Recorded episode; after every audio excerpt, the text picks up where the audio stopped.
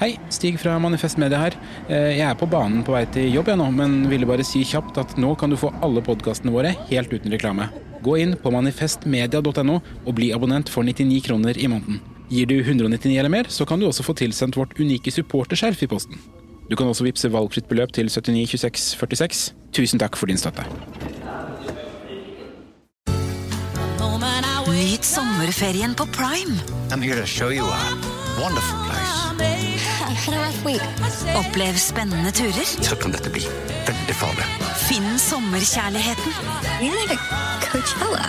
Hei. Hei. Se på Fallout, Furia eller The Idea of You. Og gjør deg klar for en sommer full av eventyr. Bare på Prime. Krever abonnement på Prime Video. Liker du denne podkasten? Manifest Media er folkefinansiert, og vi er derfor avhengig av din støtte. Vips valgfritt beløp til 79 26 46, eller gi et fast månedlig beløp på manifestmedia.no slash supporter.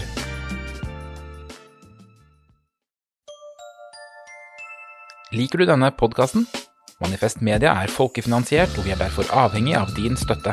Vips valgfritt beløp til 79 26 46, eller gi et fast månedlig beløp på manifestmedia.no slash supporter.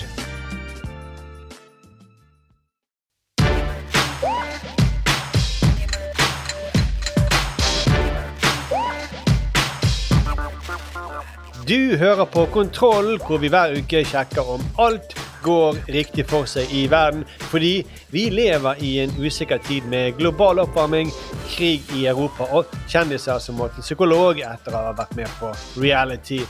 Og da trenger vi at noen har kontroll. Og disse noen det er altså Sturlevik Pedersen, Mia Hundvin og undertegnede Markus Gaupås Johansen.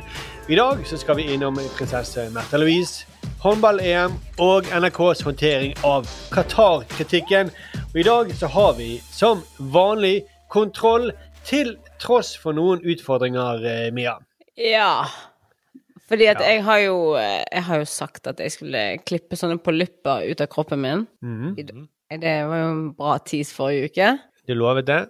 Jeg lovet det, og så kom jeg og skulle gjøre Alle det er i veldig dag. spent. ja. Og det var ikke polypper. Det var Nei, men jeg fikk aldri lov til å gjøre det, fordi de sendte meg hjem med korona. Nei. Oh. Ikke sendte meg hjem med korona, da, men de to, jeg sa jeg er litt forkjølet, og så tok de en test, og så var det en tostriper. Så jeg har korona. Ja, rett. Og derfor sitter vi da ikke i samme rom i dag. Vi sitter i hvert vårt rom for å være på en sikker side. Du er en siden. pyse, Markus. Jeg er en pyse, det innrømmer jeg. Jeg er også Eh, en pyse, så jeg sitter heller ikke i samme rom som Markus. Jeg er også en pise. eget. Ja. Du var egentlig litt klar for å smitte oss. Jeg var åpen for det. Først trodde du mente at vi skulle smitte oss med polypper. Og så tenkte jeg ja, kanskje jeg trenger litt mer polypper. På bicepsen, kanskje, eller noe sånt. Forkler de tynne armene mine. Ja, for Nei, vi nå- vet jo ikke helt hva polypp Vi hadde håpet at du kunne ta dem med og vise oss eh, hvordan polypper ser ut. Og siden det var to stykker, så tenkte vi kanskje at du ville ja, oppkaller de etter Sturla Markus. Men, men skal jeg forklare hvordan de ser ut? Det som jeg har sjekket på internett, da, er sånn Mhm. tegning. Det er jo at det ser ut som to slappe ballesekker. Og jeg tror bare det er én polypp, men én polypp består av to sekker. Hvordan vet du så mye om ballesekker? Mia?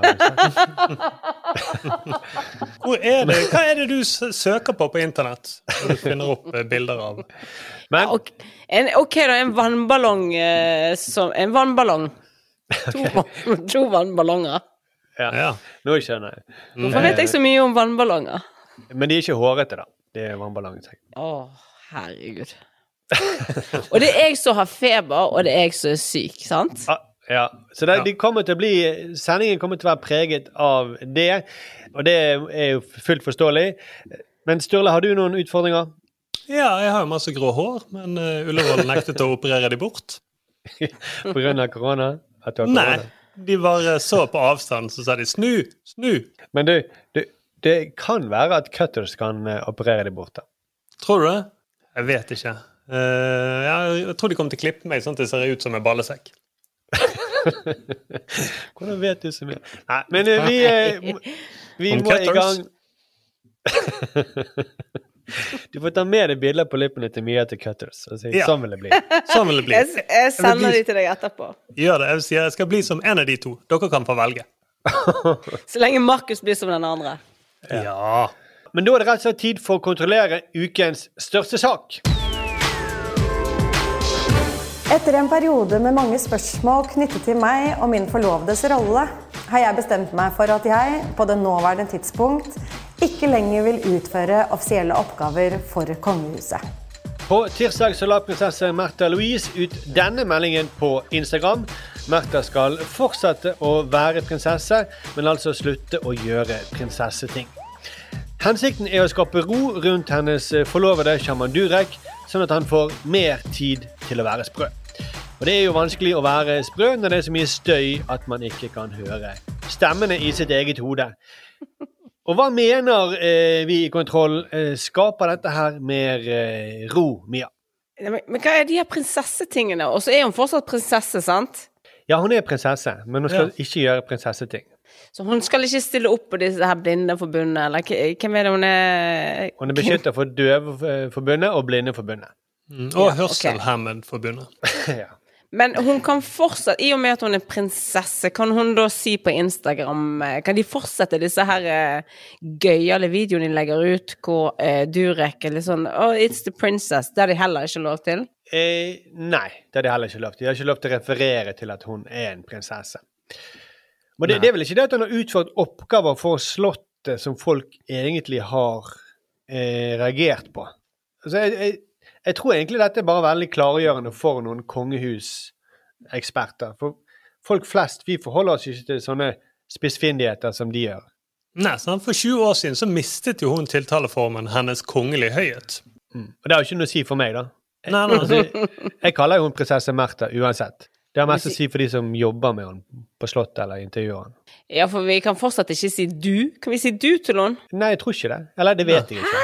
Nei. Men altså, hvis det skulle vært et poeng, da eh, Hvis det skulle vært tydelig for folk, så eh, kunne man jo krevd at hun skulle bli omtalt som hennes majones. Da skjønner man ok, dette er en degradering. Ja. Mm. Mm, her har det skjedd en endring. Det, det merker jo jeg åpenbart når vi eh, kaller henne noe et supplement til pålegg. Du, og du vil ikke si at majones er et pålegg i seg sjøl? Nei. Eh, nei, nei, nei. nei, nei. Eh, Majones er ekkelt. Men altså, i Norge så har vi hatt den holdningen at greit, dere kan være konge og dronning og prinsesse, men da må dere faen meg jobbe for det også. Da kan vi akseptere denne gammeldagse ordningen. Mm, ja, det er jo er derfor de ja, bare si, det er jo denne gamle ordningen. Det er jo derfor altså, sånn, eh, kong Harald og dronning Sonja reiser så mye rundt. Ja. De jobber jo for pengene, da. Ja, for de har jo lest litt historie. De, har, de er livredde for at folket skal storme slottet og halshugge de, sånn som har skjedd med mange andre konger i historien. Mm, ja, sånn at folk stopper opp og tenker hm, hvorfor bor akkurat denne familien her i det største huset i landet? Det er rart. Dere kan få bo der, men, men da må vi kalle dere herr Majones. Og det, Jeg vet ikke om du har sett på dette, Mia og Sturle, men altså kongefamiliens år, det som går på eh, NRK eh, hvert år Som Nadia Hasnoui intervjuer, er det det? Ja. Mm. Det er vel som regel hun. Og da, Det er jo en sånn dokumentasjon på at de jobber. Vi får bare se at de jobber og jobber og jobber. Ja, Til og med på Jeg 17. hører jo dere to republikkhjerner. Jeg hører hvordan dere snakker. Jeg trodde du skulle kalle oss republikkpolypper. Dere to. Eh, men syns ikke dere av og til For det, jo, jo, jo, de reiser rundt, bla, bla. De jobber på 17. mai til og med, og på nyttårsaften. Det er Ja, sant? Tenk så han må få det, det er jo helt sykt. Men de to er jo ganske skjønne folk. Akkurat de to. Ja, det er akkurat de to er det. det Ja, og så- så sønnen deres òg er ganske skjønn. Men jeg tror jeg er for republikk, men akkurat når de preiker, så tenker jeg sånn Ja, det går fint. Det, det der eh, Det går helt greit. Og det tror jeg de fleste tenker. Ja. Så når Men- da, hva, hva syns dere om kongen, da, som sier det om sin datter? Sier at ok, men hun er vår datter, men så derfor skal hun hete prinsesse. Det er jo ikke sånn at fordi jeg liker kongen, så støtter han i alt. alt er enig med alt han sier. Men, men jeg liker de, for det, de, ja, de jobber. De står på for Norge. Men hun skal jo ikke jobbe for tittelen sin engang. Nei, for det, man kunne jo det tro at du, eh, at du tullet og sa at de ikke jobber, men du mener at de to jobber? Ja, det ser vi jo. De går jo med stokk rundt på Svalbard og Nordkapp på Mm. Lindesnes. Ja, han står på denne balkongen og vinker hver gang barna kommer og gående forbi på 17. mai. Ja. Men det er veldig rart å ikke skulle jobbe for det. Altså, sånn, det er jo samme som å si at jeg skal fortsatt være far til mine barn, men jeg har bare sluttet å utføre mine pappaoppgaver. Men de må kalle meg pappa, da. Men det er en rar ting da, når du har masse nyhetssaker fra Ukraina og andre steder, og så kommer det en video hvor det er sånn Hei, hei, alle sammen. Jeg kommer ikke til å fortsette å gjøre prinsesseting, men jeg kommer til å fortsette å være prinsesse. OK, fortsett med arbeidsoppgavene dere videre. Jeg har fri. Men de- det som jeg, jeg hvert er litt rart, det- de tar ingen selvkritikk. liksom. Eh, Det er ikke noe sånn selvransakelse. Det har vært mye styr og sånt. Eh, Men de sier at folk eh, alltid blir sure når kongelige forlover seg. Kan vi bare høre et klipp? For de la også Dette gjentar de De sier det i den videoen som vi nettopp hørte, men de sier det enda tydeligere i den engelske versjonen, hvor de gjør litt sånn gjør narr av kritikken. da.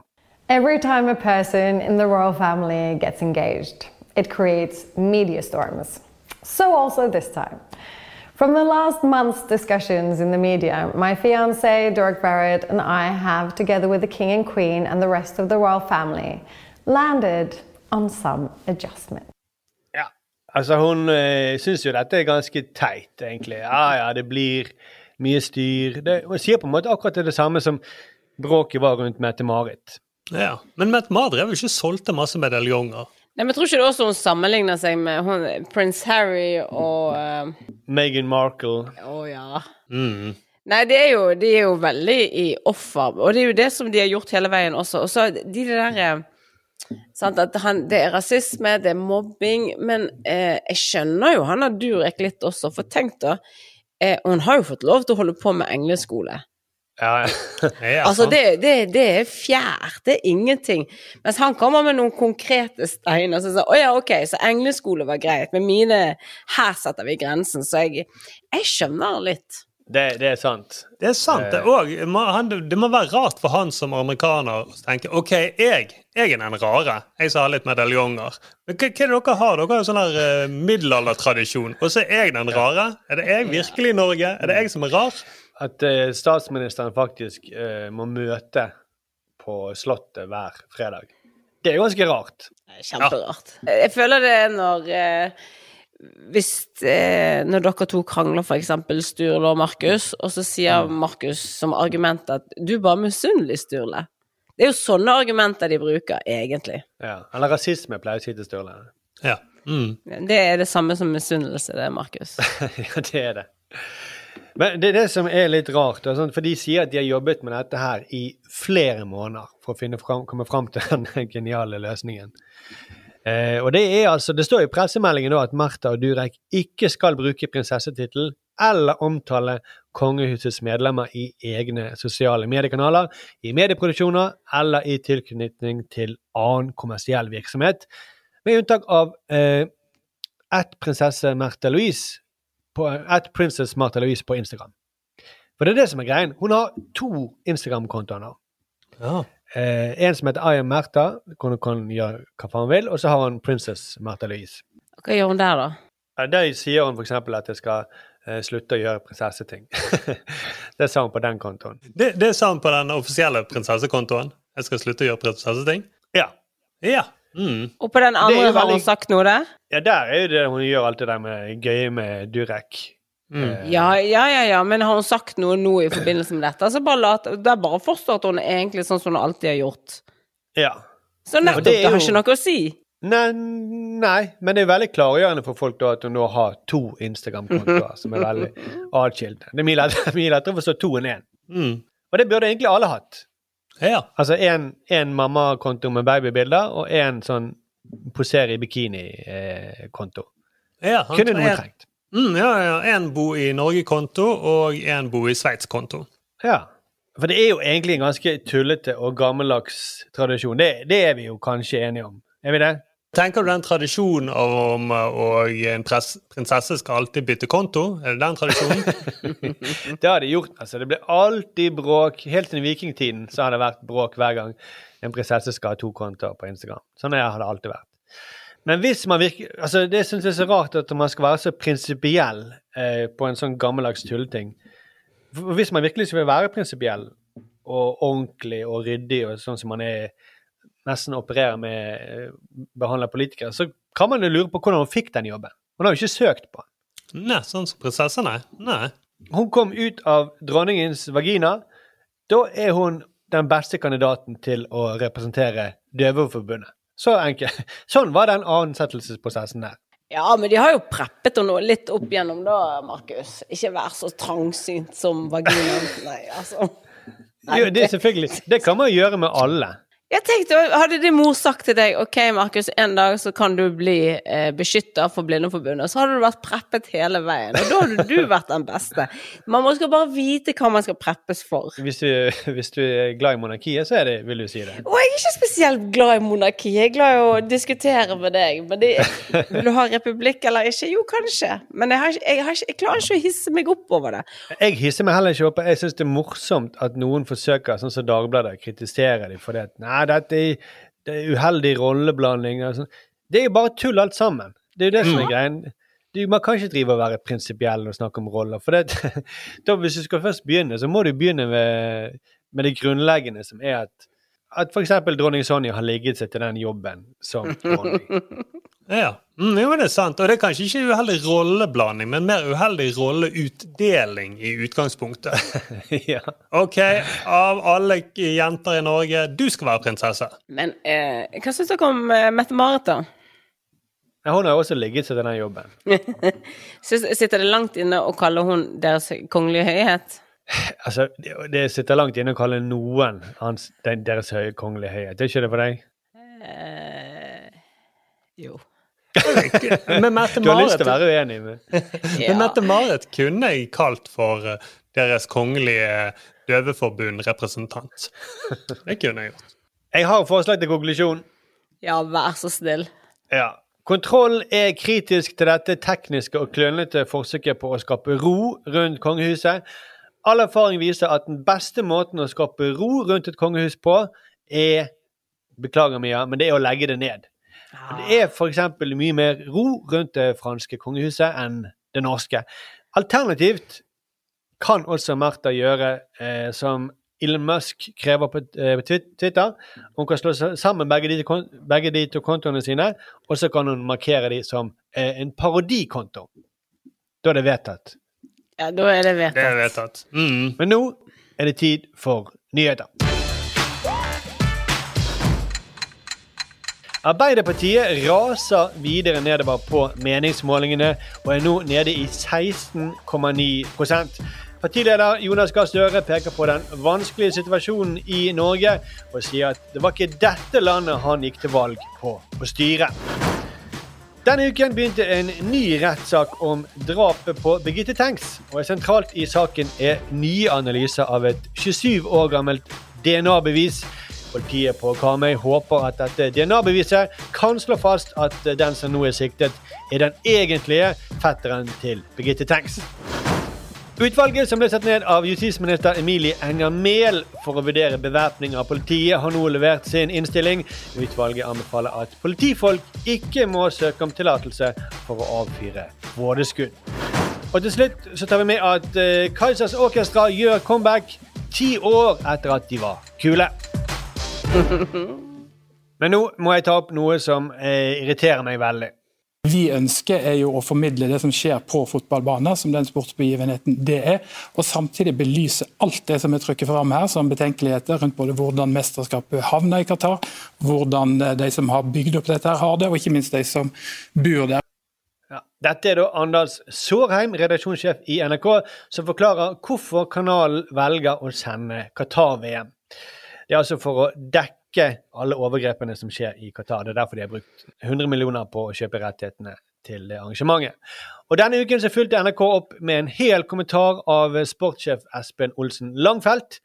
Og Den het 'Derfor sender NRK Qatar-VM', og den argumenterte da for at de måtte gjøre dette for å kunne drive kritisk journalistikk mot Qatar. Litt sånn som at for å dekke mafiaen, så må man eh, kjøpe dopet deres først for å gjøre det. Ja, det var jo derfor de inngikk eh, samarbeid med Sofie Elise også, da. Det var jo for lov til å få muligheten til å kunne stille henne kritiske spørsmål. Ja. Men eh, så åpnet NRK sjøl opp for kritikk og ba leserne om å sende inn spørsmål og si hva de mente om at eh, NRK dekker Qatar. Som er en fin ting, eh, syntes vi, og da tenkte jeg at dette var en ypperlig anledning til å undersøke eh, noe som eh, et rykte som du har snakket om, eh, Mia.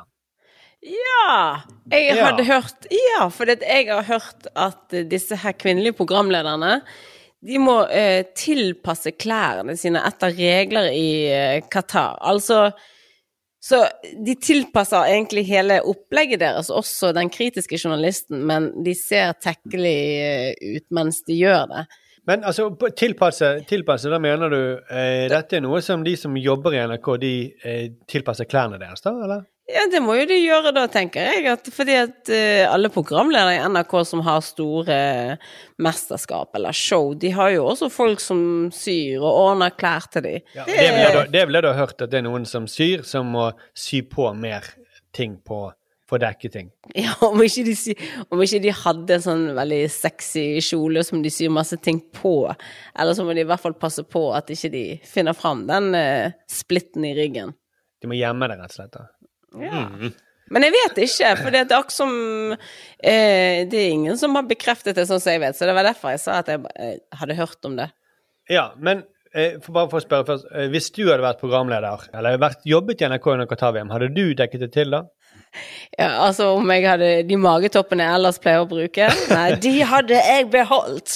Ikke, ingen kan ta mine crop tops fra meg. Men det er jo 45 grader der, eh, så det er sikkert litt digg å ha bare skuldre, f.eks. Ja, men jeg tenker når du først har da sagt ja til å lede eh, eh, Qatar-VM der nede, da har jo du også Det er mange forbehold du også sier ja til. Hvis du først er på lag med djevelen, så er det liksom, da er det for seint. Ja, litt. Men stemmer det? Det lurer jeg på. Stemmer det? For det Ja, virker for jeg, jo helt jeg vilt. personlig syns, ja, jeg syns det virker ganske drøyt at de som skal dra ned dit eh, for å dekke dette kritisk, kler seg etter eh, emirens ønsker. Nei, men eh, vi, vi spurte eh, Eller jeg sendte en, en, først en forespørsel på den, eh, dette forumet til NRK, hvor det var åpent for eh, alle kunne komme med spørsmål og kritikk. Men vi spurte rett og slett kommer NRKs kvinnelige journalister til å ta hensyn til Qatars regler om bekledning.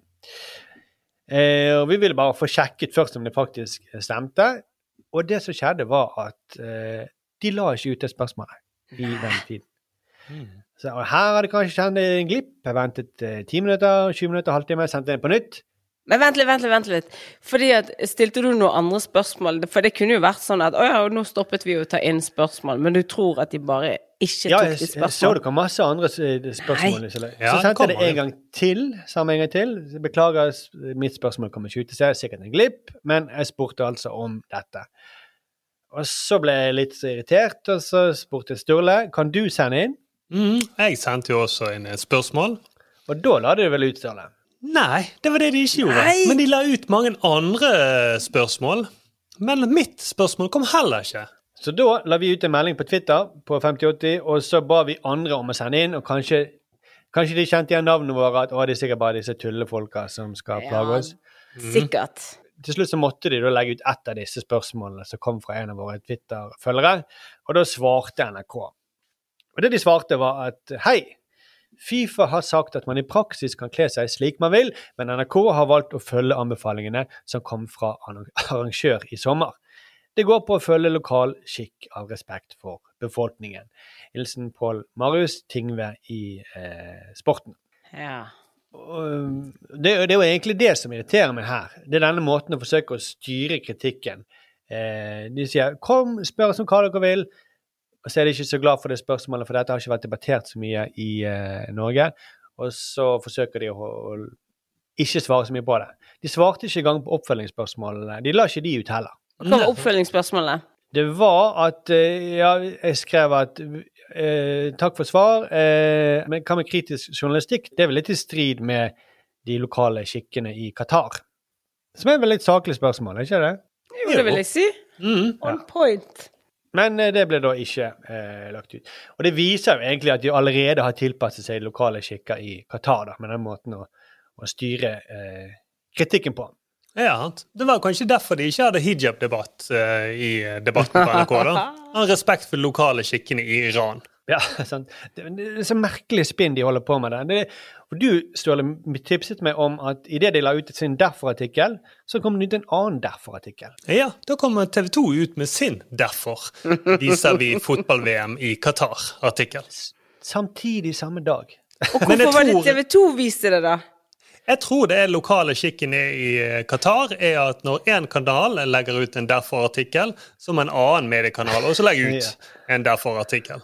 Og det var vel omtrent den samme grunnen eh, som TV 2 hadde, at da kan vi belyse eh, hva som skjer der. En liten ting til er at eh, Nils Henrik Smith skrev på Twitter at tidligere denne uken så ble han spurt av NRK Sport om å skrive et innlegg om hvorfor han ikke skal se på VM i Qatar. Det er bra. Og det sa han ja til. Eh, men så har redaksjonen i NRK Ytring, uten å lese innlegget, takket nei til å publisere det. Og da svarer NRK til slutt på Twitter, for dette ble jo en eh, tweet som rullet. Så skrev de at hei, skjønner at det ble litt uklar kommunikasjon her.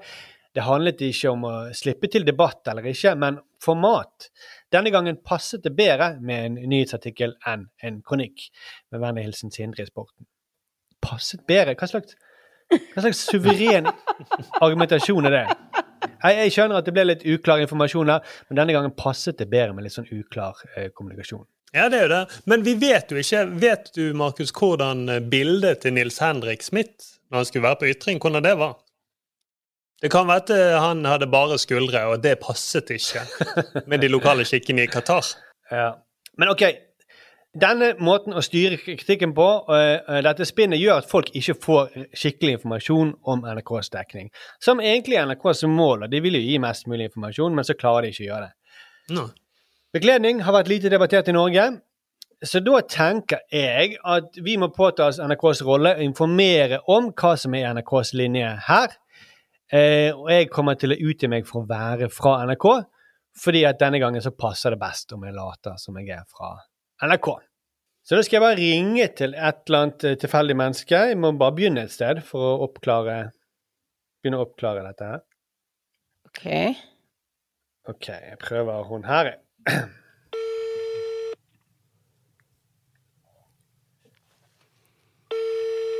Hallo? Hallo? Hei, eh, mitt navn er Markus eh, Gaupås Johansen. Jeg ringer på vegne av NRK. En av eh, hovedsponsorene av eh, Qatar-VM i Norge, hvis du kjenner til det. Ja. Ja. Og det er jo mange som har sendt oss spørsmål om bekledning. Og Vi har ikke rukket å svare på alle de ennå, så derfor ringer vi da rundt eh, i Norge og informerer om det. da. Jeg skal ikke dit. Nei, nei, men vi skal jo. Altså, Det er ganske enkelt. Altså, NRKs kvinnelige journalister de kommer til å dekke eh, til kroppen i tråd med Qatars regler. For det handler liksom om respekt for det landet som vi skal granske kritisk. Ja. Ja, Det var egentlig bare det. Ok. Kunne, kunne du bare fortalt dette videre til noen andre vanlige folk? For vi har ikke muligheten til å eh, ringe alle, skjønner du. Mm. Kan du det? Ja. Ja, men så bra. Ja. Så da må jeg videre, for jeg har en deadline på en artikkel om Derfor eh, viser vi en full hovmester hver jul. Ha det bra. Ja ja, se her, vet du. Her får vi spredd det ordet. Ja, det er jo flink. Du eh, Hun lovet å, å, å ringe videre. Men nå jeg, jeg har tenkt meg litt om For det, hvis denne her eh, eh, bekledningen Gjelder det også menn? Har dere sett disse mannlige sportskommentatorene? De mangler veldig ofte ankler på buksene sine. Har dere sett det? Ja, jeg har sett det. Hvis dette her, hvis vi skal først begynne Hvis vi skal da eh, tilpasse oss en annen kultur, så bør i hvert fall de guttene der dekke til de støge leggbuksene. Få det helt ned. Vekk med loafers, og så gi de litt mer stoff å bevege seg. Ikke at det er så tight på kroppen deres. Du burde vært politiker i Qatar, rett og slett. Takk. Ja. Mm. Eller eh, arrangert VM i Qatar. Tusen takk. Men apropos det, så skal vi snakke om et mesterskap som du er veldig opptatt av, eh, Mia.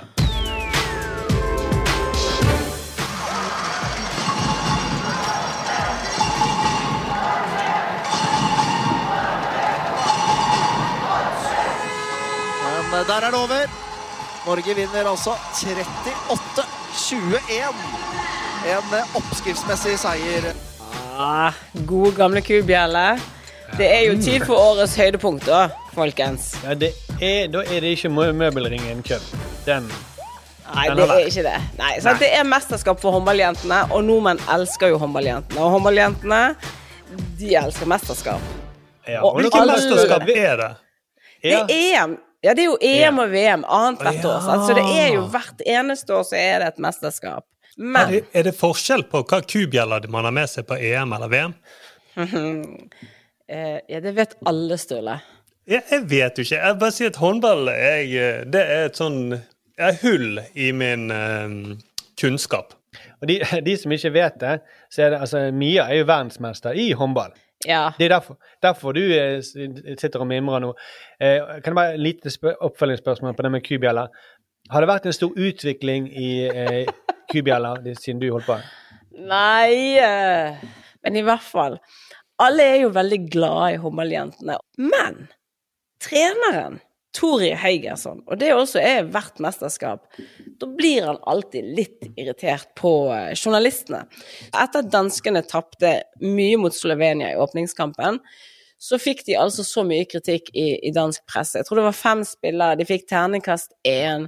Treneren blir bedt om å ta seg en pille, og så sier Tori da til eh, jeg, Vet du hva, jeg kaller han ved fornavn, det er ganske teit, men han har vært treneren min. Jo, gjør det. Kall han for øh, med Torir. Torir. Ja. Det skal jeg ikke kalle han for. Men dansk presse er nådeløs. De er helt jævlige, rett og slett. Men, eh, og da sa han sånn Ja, sånn er det med oss også. Hvis vi taper en kamp, så vil vi bli kalt talentløse og udugelige. Og så har han denne Han blir litt sånn passiv-aggressiv mot uh, sportsjournalister.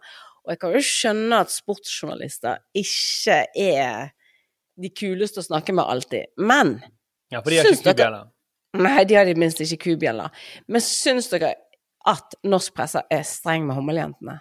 Altså, ut ifra reaksjonen til Tårer vi, vi kan, jeg, lite, jeg fant et lite klipp eh, for noen år siden. Eh, som, da også hadde Norge nettopp vunnet en kamp, og så står han og kjefter i pressesonen. Jesus Christ. I'm coach. I'm not coach for the journalist. Coach for the team. Han er veldig sur fordi eh, han må ut i mixed zone. Eh, jeg vet ikke helt hvem han snakker med på engelsk. Men eh, han er jo stadig vekk sur, så det virker jo som om han får mye med. Jeg følger ikke så mye med på håndball om dagen, jeg må innrømme. Men altså, han er jo hissig, og så kan du si at han har litt sånne følelser, men akkurat den der Det som jeg tror har skjedd med håndballjentene, er jo eh, når du er eksempel en bortskjemt drittunge, det er jo at eh, plutselig så Noe som er vanlig irettesettelse. Du må faktisk ta opp eh, Ta og sette tallerkenen i oppvaskmaskinen. Det må du faktisk. Mm, og du må bytte Du må ha to kontoer på Instagram. ja, det må du faktisk tåle. Mm. Så eh, jeg eh, Det er så lite kritikk mot håndballjentene at når de bare stiller et spørsmål Men hvorfor blir ikke det Hvorfor disponerte dere spilleren eh, på den måten? Så flyr han litt i flint på dem og blir veldig nærtagende. Men han forsvarer seg i VG med å si at han har tjukt skall. Ja, så det går ikke inn på han. Nei, det går ikke inn på han. Sant? Og så sier han når vi taper, er det dårlig, og det må vi leve med. Og så sier han ferdigsnakket. Dette i et intervju. Men han fortsetter å snakke. Og så sier han han hører aldri på kritikeren og journalisten, så han vet ikke. Men du må ikke tro på alt som står i mediene. Og så sier han vi legger ballen død. Nå har han sagt ferdig snakket, legger ballen død. og så fortsetter han, så, eh, så sier han ikke noen grunn til å diskutere det. Dere gjør jobben deres, jeg gjør min. Og så sier han vi lar han henge i luften. Og, Ok. og sa jeg at jeg hadde veldig tjukt skall? Nevnte jeg det, alle sammen? Og han sier også Men herregud, altså.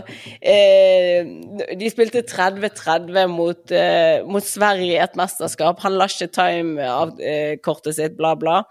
Og da sa han altså Og det ble følt som at jeg sviktet fedrelandet. Men jeg preller av meg, for all del. Jeg har hardt skall. Da er vi tilbake igjen. Men jeg så tror det at han gjentar det til hele tiden, det der med å legge ballen død. Og sånt. det kan være at han er så redd for at journalisten ikke eh, fikk det med seg første gang. For det kom ikke gjennom skallet hans. At han er redd for at det tjukke skallet. Ja. Jeg må bare si ting mange ganger, sånn at for, ikke ting blir værende inni skallet. Mm. Ja, for inni skallet sitt snakker han vel kanskje engelsk, og så av og til kommer det ut, da. Han snakker i hvert fall islandsk der inne. inni skallet snakker han perfekt eh, Det er ingen aksent. Ingen. Men han er egentlig en ganske vittig fyr, faktisk. Altså, han, er- det, det er derfor jeg syns det er litt rart det her, at han er så passiv-aggressiv mot journalister. Nei, han er egentlig vittig, men det er bare også kommer ikke ut gjennom skallet.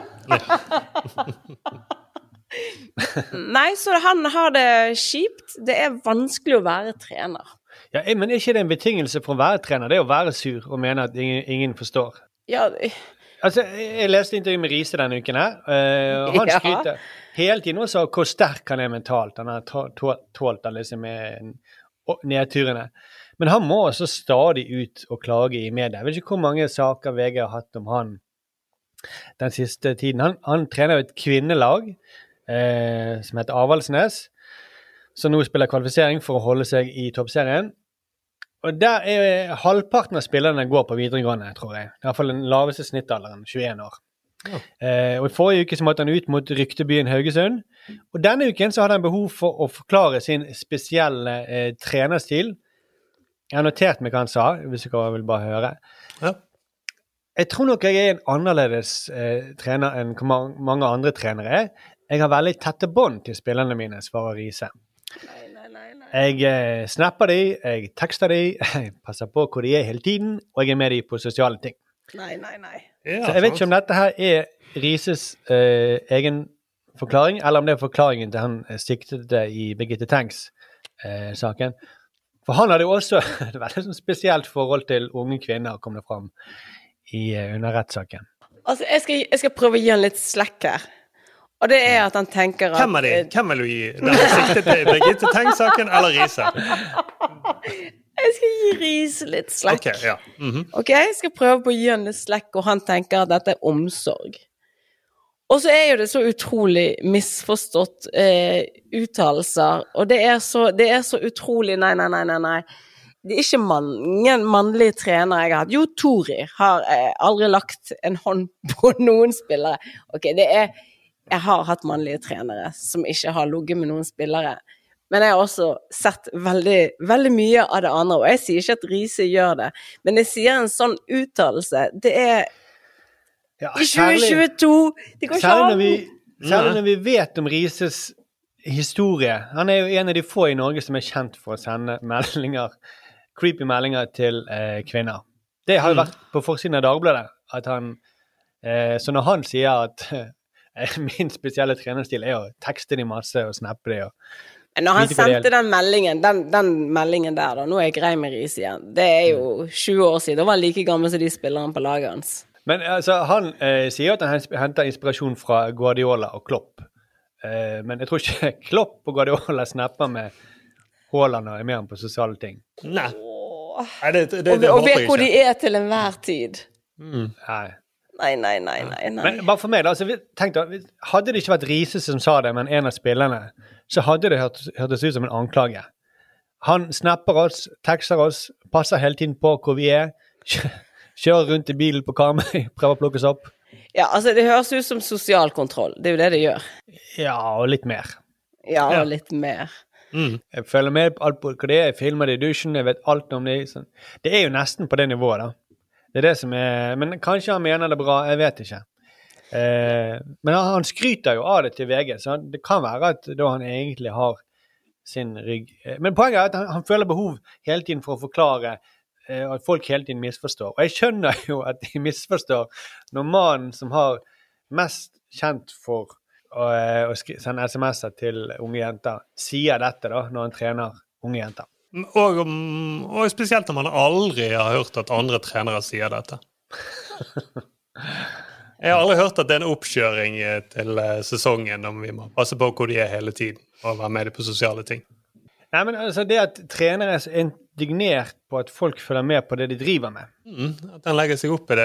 Det er jo nesten som å si Hvorfor driver dere og sender disse kampene på TV? Det er mye dumt som blir skrevet og sagt. Jeg er helt enig med Tori mange ganger. Men det er rart. De som sier de har tjukt skall, Ja. de- det, det er et problem. Ikke si at du har tjukt skall. Hvis du har behov for å si det, så, eh, så har du ikke det. En gang så sa jeg at jeg var ydmyk. Å, men vi, skal vi si noe annet han sa? Det er jo det der at han mener eh, At når han snakker om mediene, da, som er litt sånn slemme, så snakker han om alle medier, også sosiale medier. Og da spør jo VG OK, får dere mye stygt på sosiale medier? Og da sier han det er en samfunnsutvikling. Vi vet hvilken verden vi lever i, folkens. Og sosiale medier er boltreplass, boltreplass for en del synspunkter som kanskje ikke skulle hatt en arena. Et verdensomspennende problem. Ja, ok. Så de er en del av dette her eh, De, får, de, de er en del av dette, denne tendensen vi ser i, som preger USA-valgkampen nå. Ja. Mm. Overledende har det ikke lett, altså. Nei, for jeg tenker jo sånn, Det største problemet sånn som på Twitter blant annet, er jo at uh, mange uh, bruker H-ordet. Så håndballordet. Og K-ordet. Som er Ja, det er kubjelle. Og S-ordet. S. Mm. Skal. Åh. Og med det så setter vi strekk. Vi må ha en konklusjon, Mia. Har du en konklusjon? Eh, nei, jeg klarer ikke. Nå, eh, nå har feberen gått opp. Jeg klarer ikke. Ja, da kan jeg si Vi, vi, vi er i kontroll er sterkt kritisk til at uh, hele tiden må si at han har tjukt skall, når han åpenbart ikke har det.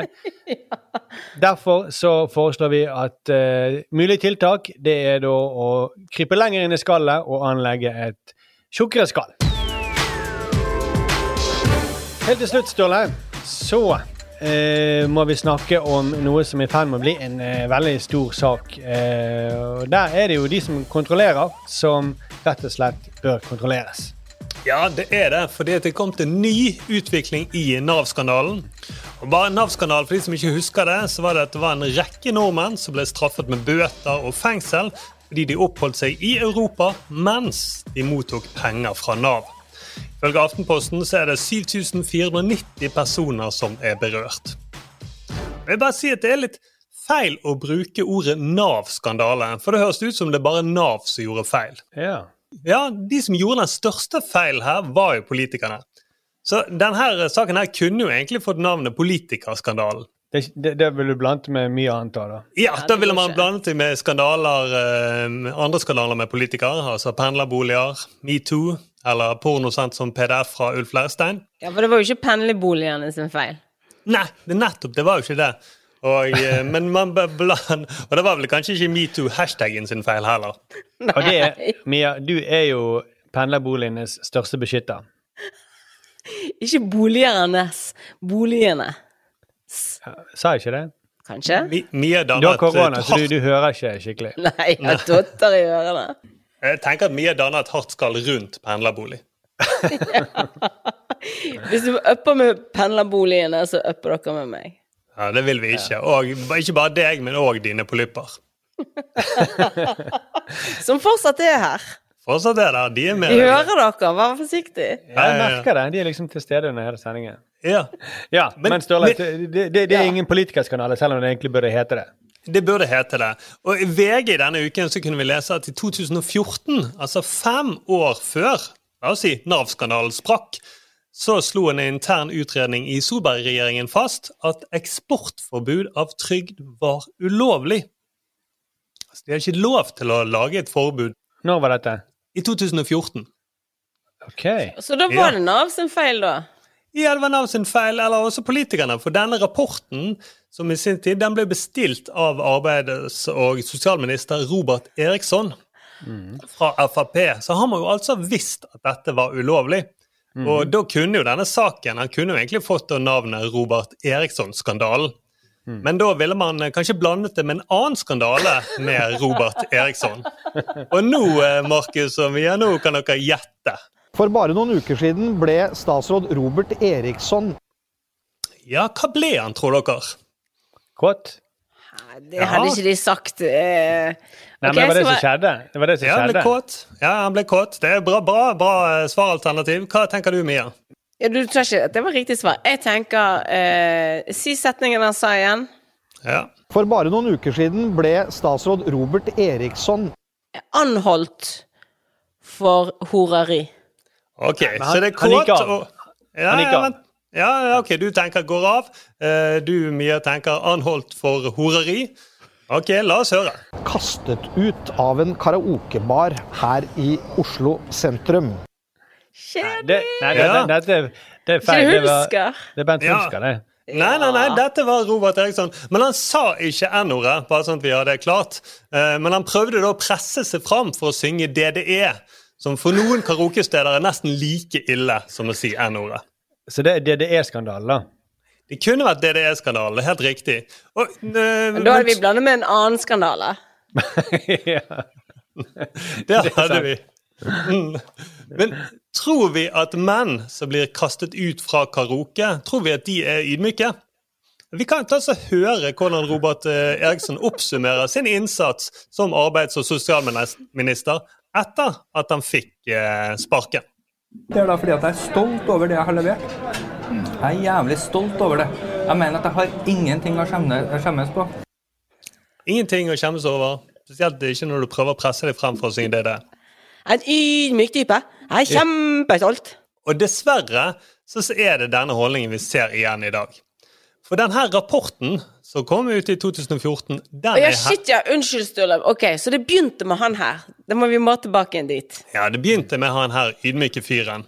Ja. Og nå ser vi litt den ydmyke holdningen som kommer tilbake igjen igjen. Fordi at denne rapporten er fortsatt hemmelig. Altså Både Solberg-regjeringen og Støre-regjeringen nekter innsyn. Eh, og det er flere jusprofessorer som mener at det er vanskelig for, offentligheten da, for å forstå hva som gikk galt. Men Hvis- jeg, har, fått, jeg, hvis- jeg har fått litt lekkasjer fra den rapporten, men de har ikke fått sett alt. Så de har ikke sett utredningen om nettopp det som de bl.a. konkluderer med at eh, det er dette eksportforbudet, som de kaller det, det var ulovlig. Nei, for det, det, det er ulovlig da, i forhold til EØS-avtalen, fordi Norge er med i EØS, EØS sant? Ja, sant? Mm. Man skulle tro det, sant? Eh, for, Men denne, for i 2019 så eh, visste man ikke om rapporten. Hvorfor det? For regjeringen holdt det hemmelig. Men da var de veldig sånn på at alle steiner skal snus. At de tenkte nå må vi endelig komme til bunns i dette. Så ikke vi oppfører oss da som Eriksson. Og jeg frykter at, de, jeg frykter at eh, politikerne har glemt det. da. At nå er de tilbake igjen til sånn her eh, 2014-modus, hvor man prøver å presse seg fram på karaokebarer for å synge DDE. Ja, jeg har allerede glemt egentlig hva det begynte med nå. Men det Med begynte Nav-skandalen. Ja, ja. Det var nemlig. Det var Nav-skandalen. Ja, du våknet opp i dag og skulle ta vekk polyppene, og så hadde du korona. Og nå er vi her. Nå er vi her, og alt er en del av din feberdrøm. ja. Og det er ikke Markus og Sturle som snakker til deg, men det er polyppene. Ok, ok. Hva kan vi gjøre med denne saken, Sturle? Altså Først må vi finne ut altså sånn, Vi også må jo vi må ta en reality check, sant? for nå driver politikerne og oppfører seg nesten som om Norge ikke er medlem av EØS. Og derfor kan straffe noen nordmenn som reiser rundt i Europa. Så vi må få det helt tydelig. altså Er vi med i EØS? Og da har jeg ringt bare for å finne, for å finne ut av dette. Ja, hallo. Hei, Lise Rie. Dette er Sturlevik Pedersen fra Kontroll som ringer. Um, og du er jo professor i europeisk samtidshistorie ved NTNU og forsker på EØS. eh, Stemmer det? Ja da, det stemmer. Ja, Da er mitt eh, spørsmål til deg. Er Norge med i EØS? Ja, Norge er en del av EØS. En del. Og hvor, hvor lenge har vi vært en del av EØS? Du, det har vi vært siden EØS-avtalen trådte i kraft, og det gjorde den 1. januar 1994. Ja. ja, men supert. Da er det notert. Eh, tusen takk for din hjelp. Ha det bra. Hei da. Ja. Sant? Så vi har vært, vi har vært medlem da, i EØS siden 1.1.1994. Dette visste eh, Robin Eriksson da han var på karaokebar. Han må ha visst det. da. Det er litt som å gå rundt nå og så tro at å ja, eh, kongen vår heter vel kong Olav. Det er ikke kong Harald vi har som konge. Eller da eh, en eller annen Instagram- Instagram-prinsesse.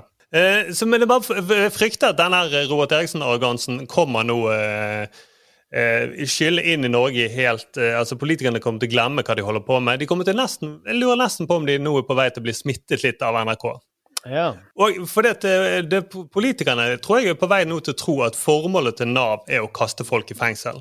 Jeg var inne og sjekket på Lovdata, og nå skal, formålet til Nav er som følger. Kan jeg gjette? Ja, Nei, det er tipper å kaste folk i fengsel, da. Det er tydeligvis det som er Ja, tipper du det samme, Mia? Nei, jeg tipper det er å få de ut i eh, arbeidslivet etter de har vært i fengsel. Ja, med fotlenken. Mm. Formålet til Nav er da at Nav skal møte det enkelte mennesket med respekt. Åh, det er bra. tenker- ja, sant? Så tidligere i dag så tok jeg en telefon for å sende da politikerne en vennlig påminnelse. Eh, et øyeblikk. Ja. Ja, hei, hei. Du skulle gjerne bestilt en blomst som skal sendes. Til? Når? Ja, til i morgen. Får dere til det? Ja. Ja. Og da trenger jeg en litt sånn, ja, litt sånn høy eh, blomst. Litt høy, avlang blomst, kanskje. Uh, Hvilke ja. typer har dere der? Uh, vi har lange roser uh, nå. De er litt dyrere. De er 75 per stykk. Jeg kan få tre Jeg kan få tre roser. Tre roser. Tre lange roser. Ja. På de rosene, er de litt sånn eh, Er det litt torner på de, eller hvordan er det? Ja, de har litt farge. De er som um, kobberaktig farge. Ja, kobberaktig farge og litt torner, kanskje, eller noe sånt? Litt, ja. Ja, litt spisse. Ja, så bra. Og, og så tenkte jeg å ha et kort. Uh, hva skal stå på kort? Ja, da kan du skrive mm, På første linje kan du skrive Norge har vært en del av EØS med store bokstaver EØS, yes. mm, siden 1. januar 1994. 1994. Punktum.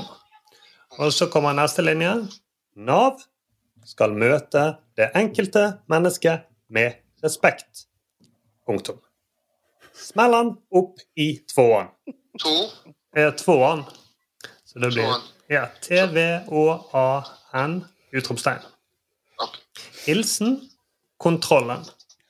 Kontrollen? Ja. Kan du bare lese opp det du har skrevet på kortet nå? Ja. Ja. Norge har vært en del av EØS siden 1. januar 1994. Nav skal mot en enkelt menneske med respekt. Smell an opp i tovan, toan, Ja, tvåen. ja, og hilsen kontroll. Ja, veldig bra. Ok, så da vil jeg at du sender de til Stortinget og til regjeringen. Veldig bra. Ja. ja, men tusen takk for hjelpen. Da kommer de frem i morgen. Yes, det kommer i morgen etter klokka to. Ja, etter klokken to. Supert. Takk for det, du. Ha det bra. Ha det bra. Ah. Ja, sant. Det sto mellom blomster eller eh, klippekort på karaokesenter. Du er en god, god mann, du, Sturle. Så det, de setter jo pris på, pris på blomster. Det minner jo de også Det får de jo når de blir statsråder. Gjerne er en blanding av eh, gulrot og litt pisk. Hvis pisken kommer opp i tvåen. Eller oppi på lippen.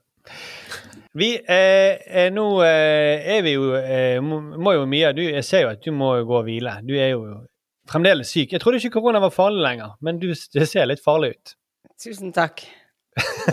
Du begynner, vet hva, Nå ser jeg deg i webkamera, du begynner å ligne på meg. Det er ikke så bra.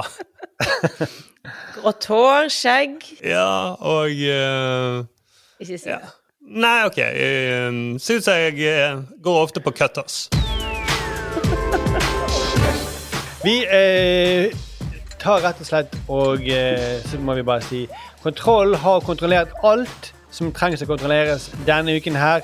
Vi eh, høres gjennom en uke. Da skal vi være friske og raske og sitte sammen i studio og le og løse alle verdens problemer igjen. Det blir så fint.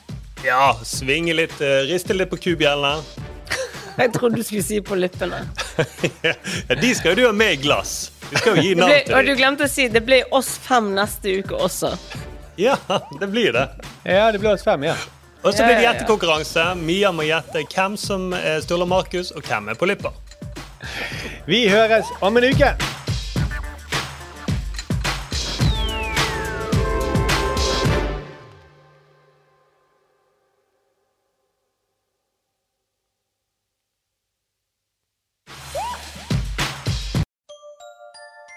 Likte du denne podkasten? Manifest Media er folkefinansiert, og vi trenger støtte fra folk.